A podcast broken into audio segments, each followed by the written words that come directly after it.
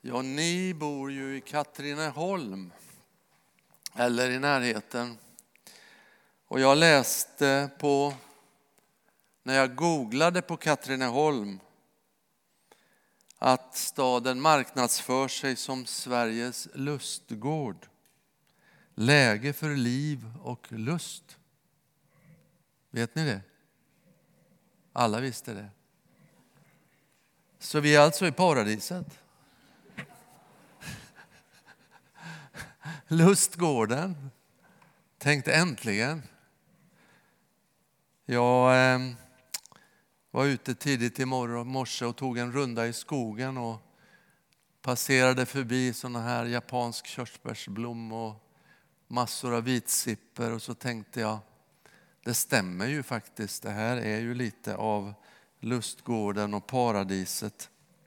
Men någonting inom mig sa att det kanske ändå inte riktigt är paradiset. Vi hann ha lite samtal vid borden igår på Café Linné och det antydde väl kanske att det inte alltid är paradis ens i Katrineholm. Eller? Vi hann och prata lite med Lukas och Josefina också om läget här. Det var väldigt mycket som är väldigt bra men allt är ju inte hundra. Inte ens här. Jag tror förresten att kanske inte alla av socialarbetarna här i Katrineholm skulle säga att det är paradiset. Eller ni som jobbar i skolan eller vad det nu är.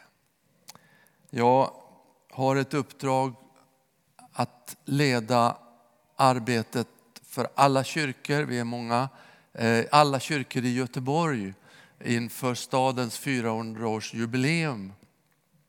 Och det gör att jag får många samtal med olika eh, representanter för kyrkan. Och jag träffade biskopen, eh, biskop Susanne, vid ett tillfälle för en tid sedan. Och vi pratade lite om hur det är ställt i Göteborg. Och jag frågade henne, vad tror du Eh, Jesus skulle säga om han kom hit in, ridande liksom in i, i Göteborg idag? Och då svarar hon, men Urban, Jesus är ju redan här. Så. Där fick jag, så jag teg. Och jag håller med 100 procent och det gäller Katrineholm också. Jesus är redan här. Men låt oss ändå hålla fast lite vid den där frågeställningen. Om Jesus skulle liksom ändå komma utifrån på ett lite oväntad besiktning av den här staden. Vad skulle han säga? Skulle han säga när han ser vägskylten peka däråt Katrineholm, det kan vi rida förbi för där är paradiset redan. Kanske inte. Jesus kommer i den här texten på sitt sista besök till Jerusalem. Och vi möter en ovanligt känslosam Jesus. Han är sorgsen, Lukas berättar hur strax innan han rider in här så gråter han, ett storgråter han över tillståndet i Jerusalem. Men det tycks samtidigt som när barnen och lärjungaskarorna börjar lovsjunga Hosianna så, så tystar han inte dem utan han, eh, han gläds faktiskt, tror jag, med lovsången som kommer, som stäms upp.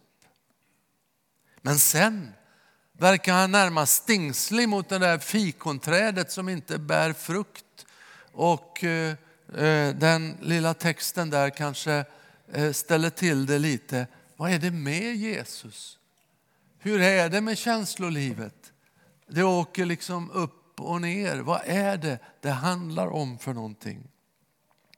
Nu är det ju så med Jesus vet ni, att och bibeltexterna här, att de är full utav dubbelbottnade sanningar och betydelser och profetiska hälsningar till oss men som det kan vara ibland svårt att greppa omedelbart. Så var inte för snabb för att hoppa över de där lite svårare texterna och det gör vi ju inte idag när man läser hela texten. Föredömligt för övrigt att göra det. Det kan lätt bli predikningar över favorittexter eh, där vi tappar en del av helheten.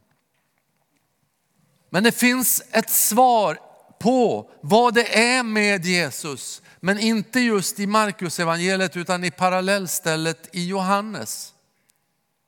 Där Johannes evangeliet också berättar om hur han går till templet och driver ut. För där har vi ju den starkaste och kanske mest svårsmälta reaktionen. Vi känner inte igen den gode heden och, och, och han som vill ta hand om det lilla fåret. Plötsligt så välter han omkull borden och eh, går med en rep repstump. Jag tror inte han slår någon, men han driver ut och säger ut med ni hör inte hemma här, säger han till de som köper och säljer. Vad är det med honom? Vad är det som driver honom? Och man kan undra, finns det något svar på den frågan? Ja, det finns det i Johannes evangeliet. Då står det så här. Där citeras svaret. Lidelsen för ditt hus skall förtära mig. Och det är ett citat från psalm 69. Vad är det där för ett ord? Lidelse för ditt hus, lidelsen. Nu ska ni få en racka ord som tillsammans säger något vad lidelse är för någonting. Det är kärlek, förälskelse, brinnande engagemang, iver, häftigt begär, hängivenhet, Eldsjäl kan vi associera till ett sammanfattande ord skulle kunna vara passion. Passion. En passionerad Jesus. En Jesus som med hela sitt inre hade en, ett, ett, ett syfte, ett driv, ett brinnande engagemang för någonting. Det grekiska ordet här heter selos ni känns igen i Simon Seluten.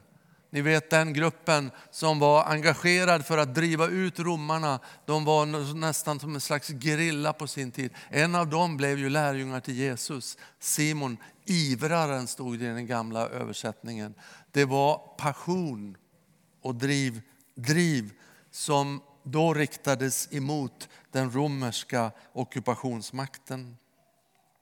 Det här ordet som jag skulle vilja översätta med passion, det kan stå för någonting negativt. Vi känner en bävan egentligen i den här texten.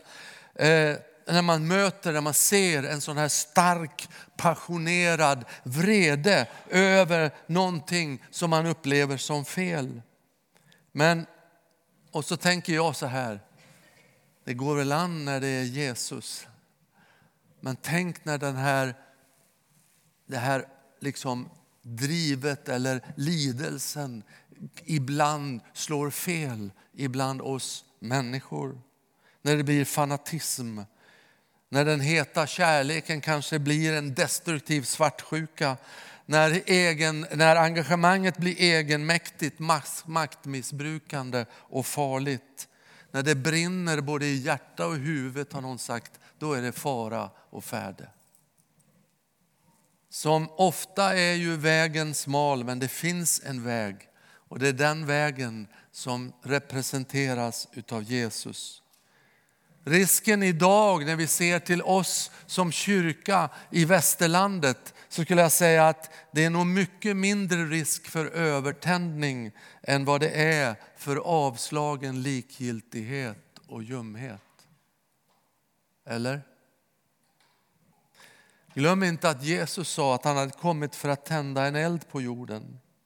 Och det han ägnade sig åt, eh, det var att få hjärtan att börja brinna. Och låt oss därför, jag ska gräva lite i det här en liten stund till med er.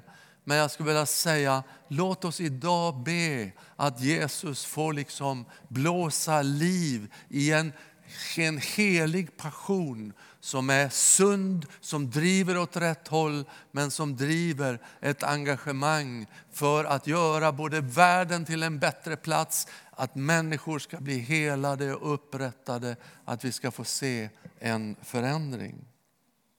Jag tror att Jesus stannar till vid Katrineholm för att han vill någonting mer med den här staden än vad vi har sett och med sitt folk. Jag är också medveten om att det finns människor som kanske finns här som har upplevt bränd mark i sitt liv. Alltså där man har sett hängivenhet som har slagit fel eller missbrukats eller utnyttjats. För så kan det ibland bli med oss människor, även i kristna sammanhang. Därför skulle jag önska att också det här fick bli ett tillfälle när du fick liksom bli helad ifrån de såren eller uppleva att det på något sätt kan börja brinna i ditt hjärta igen. Jag ska ge några kännetecken på en sann och sund och nödvändig passion utifrån Jesu exempel. Ett driv utifrån Jesu exempel. Här kommer det.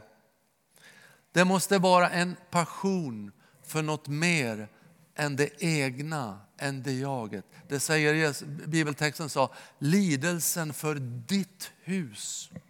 Säger han.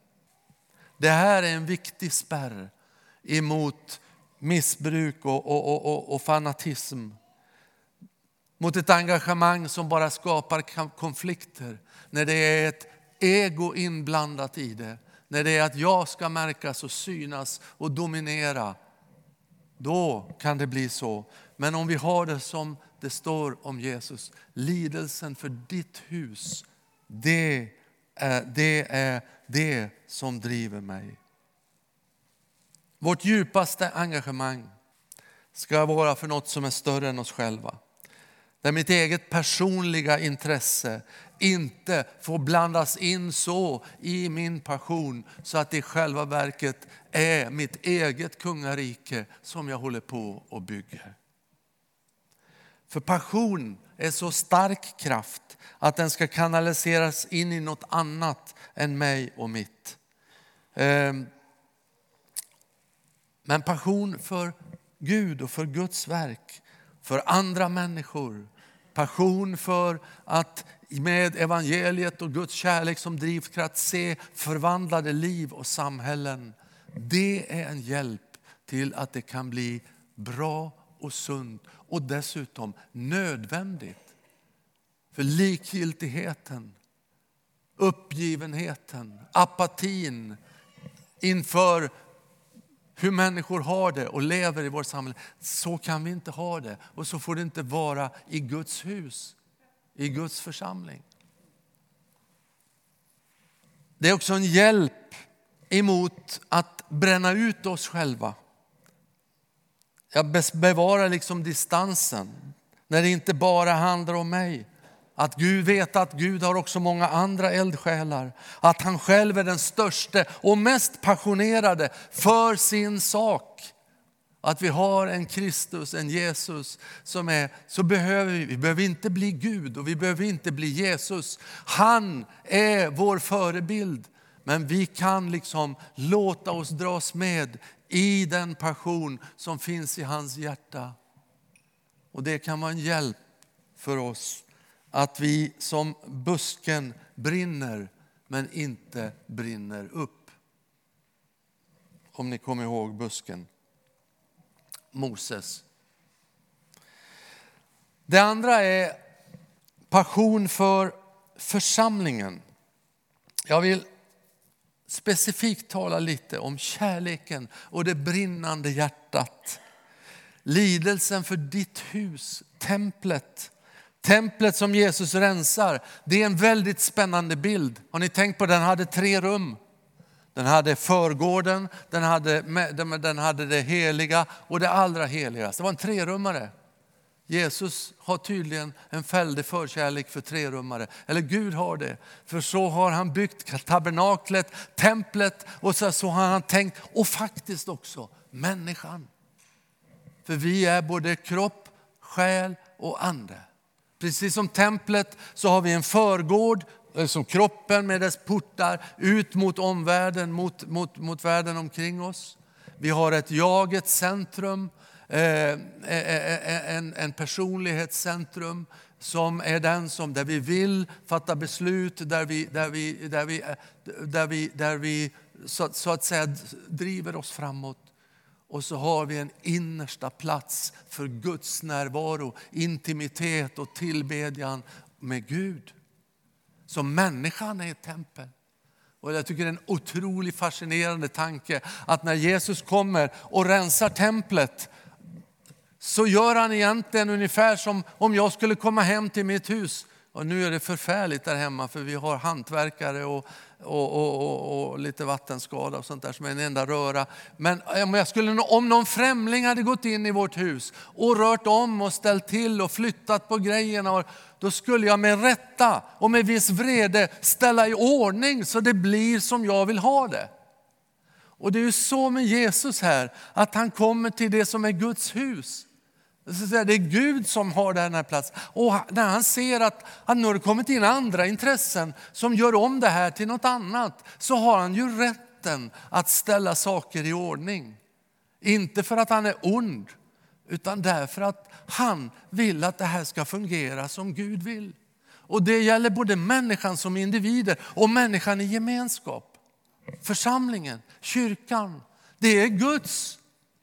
Vi tänker ju nästan ibland, ibland får vi för oss att det är pastorns kyrka. Och ibland är det min kyrka. Och ibland är det våran grupps kyrka.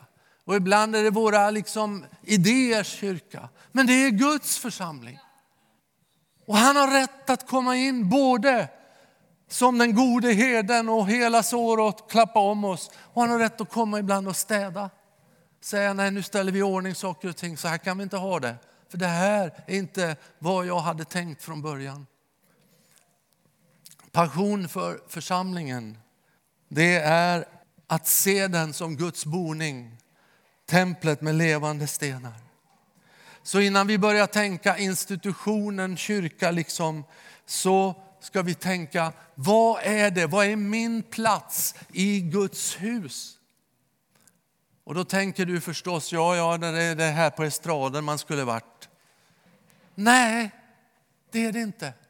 Jo, det är det, kanske. Men det är inte något mer heligt här än vad det är där, eller vad det är när vi går hem, eller när vi samlas i våra hem, eller när du går till din arbetsplats. Det är lika mycket kyrka och församling och Guds hus hela tiden. Vi är Guds folk i Katrineholm eller Göteborg eller var vi är. Jag tänker så här att vi har alla drömmar och passioner. Vi har saker och ting här inne. Och jag säger inte att allt det är av Gud, för ibland så, så, så, så, så kan vi vara ganska mycket oss själva i det också. Men jag tror inte heller att vi ska liksom göra det så andligt som vi ofta har gjort det. Utan är det så att du brinner för någonting och har överlåtit ditt liv åt Gud, så ska du se att det finns en koppling till Guds hus, till församlingen i det mesta utav det som vi kan brinna för. Det kan vara din yrkeskallelse, det kan vara ditt, ditt intresse, ditt hantverk, det kan vara konst, det kan vara organisation. Det kan vara Alltså, det är ju det som är det fantastiska med Guds hus. När, när Gud är i centrum så finner vi vår plats. Någon har sagt så här om Västerlandets kyrka, att den är som en fotbollsmatch. Det är 22 personer på plan i desperat, desperat behov av vila och 22 000 på läktaren i desperat behov av aktivitet. Det är en ganska bra, så ska det ju inte vara. Utan det ska ju vara, i bästa fall, en riktigt bra supporterskara som inte är fanatisk.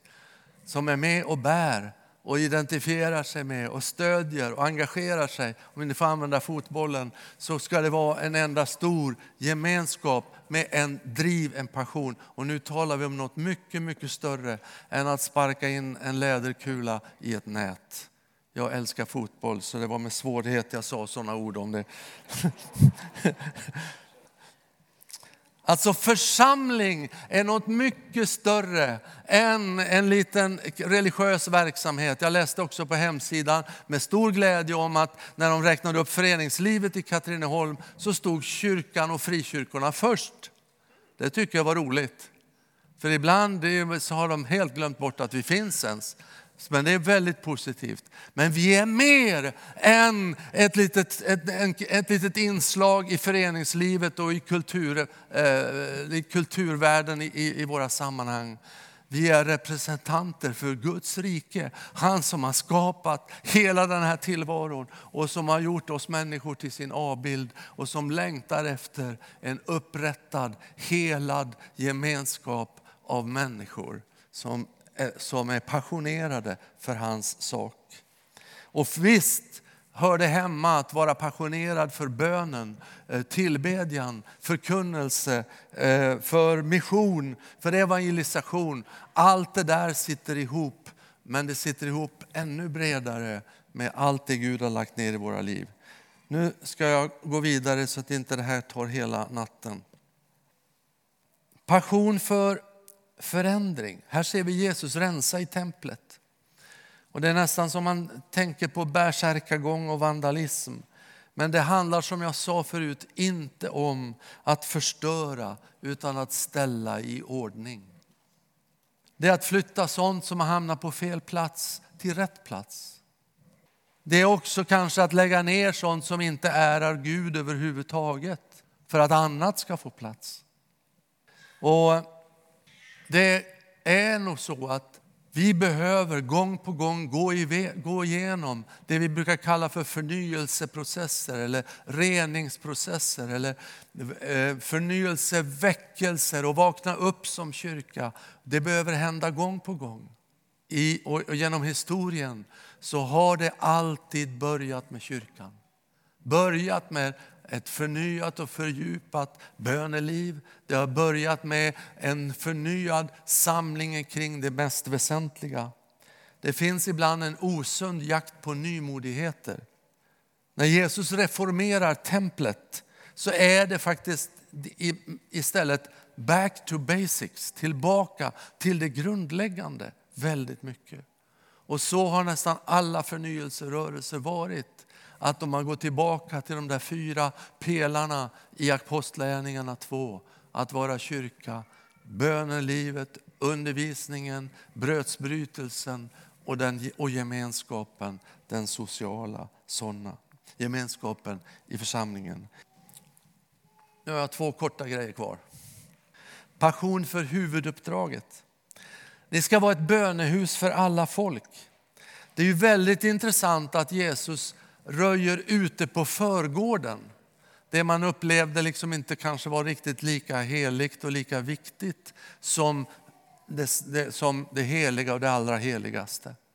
Men vad Jesus, varför är han så angelägen om förgården? Den yttre. Jo, det var den platsen dit främlingarna, hedningarna, de, de som kom från andra sammanhang, de som ännu inte hade mött Israels Gud. Det var de som fick komma dit.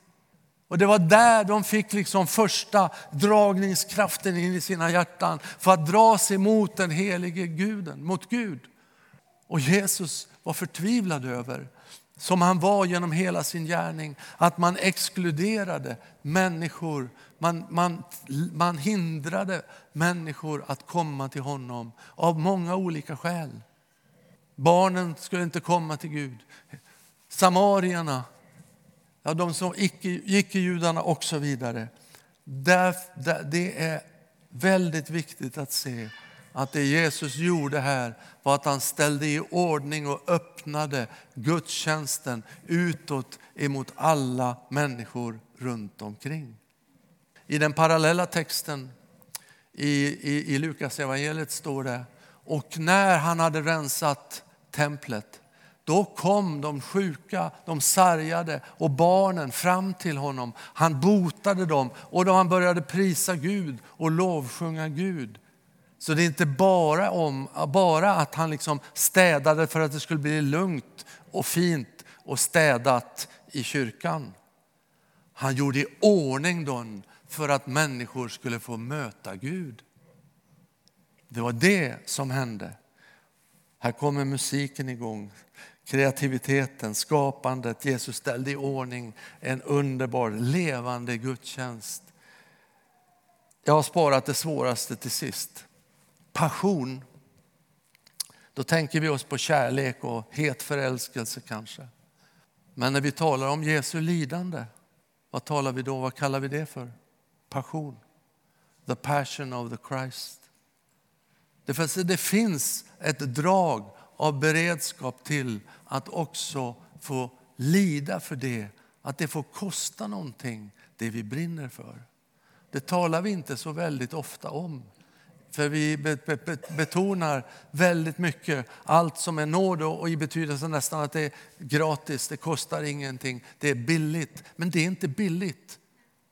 Det är inte billigt, det är nåd.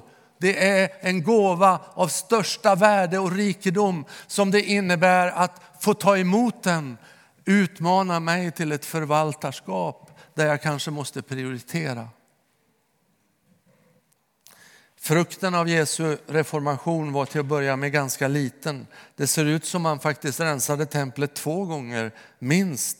En gång i början och en gång i slutet av hans gärning. Det här är lite svårt att veta hur kronologin är. Som ni vet är de olika evangelierna eh, placerar samma sak på lite olika ställen. Men det skulle kunna vara så att eh, det som han först gjorde så att säga, det blev ett återfall så han får göra det en gång till och det kanske är därför han är kanske ännu mer så att han känner varför låter man gång på gång mitt hus förfalla? Och så vet vi att detta sker precis före hans gärning. Kanske så, så, så känner han också, jag gör det här som ett tecken på vad som är Guds plan med templet, med mitt hus, med, med människorna, med Guds folk. Men det räcker inte.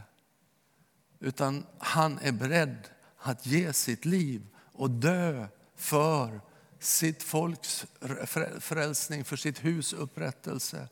Han är beredd att ge sitt liv. Och därför så är det just den här handlingen som också leder in i rättegången, gripandet och det lidande som, man sen, som vi nu har firat i samband med påsken. Det kan ju kännas som ett nederlag och det, var, det upplevde ju alla lärjungar allihopa att Jesus liksom ger sitt liv och får dö på ett kors efter, bara några dagar efter det här inridandet i Jerusalem. Att han inte liksom fick ställa allting till ordning utan han måste dö. Men vi vet att Jesus uppstod. Och att då uppstår också en ny gemenskap. Och då uppstår en gemenskap där hans passionerade hjärta slår i centrum utav hans kropp som är församlingen, som är kyrkan.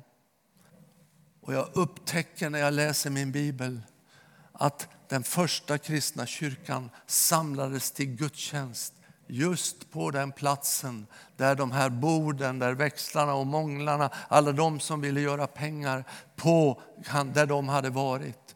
Och jag tror det är så att när den väckelserörelsen kommer av tusentals som får in Jesus i hjärtat, då flyttar de på sig frivilligt. Då faller allting på plats och vi får in en levande kraft i mänskligheten som heter Guds församling. Och tänk att ni i Katrineholm, här finns det inte bara ni i den här kyrkan, det finns levande kristna som har bönen i sitt hjärta, längtan, passion av att se ett förvandlat samhälle, en förvandlad kommun och se att det som har hänt förr av väckelsetider kan ske på nytt igen i den här staden, på den här platsen. Amen.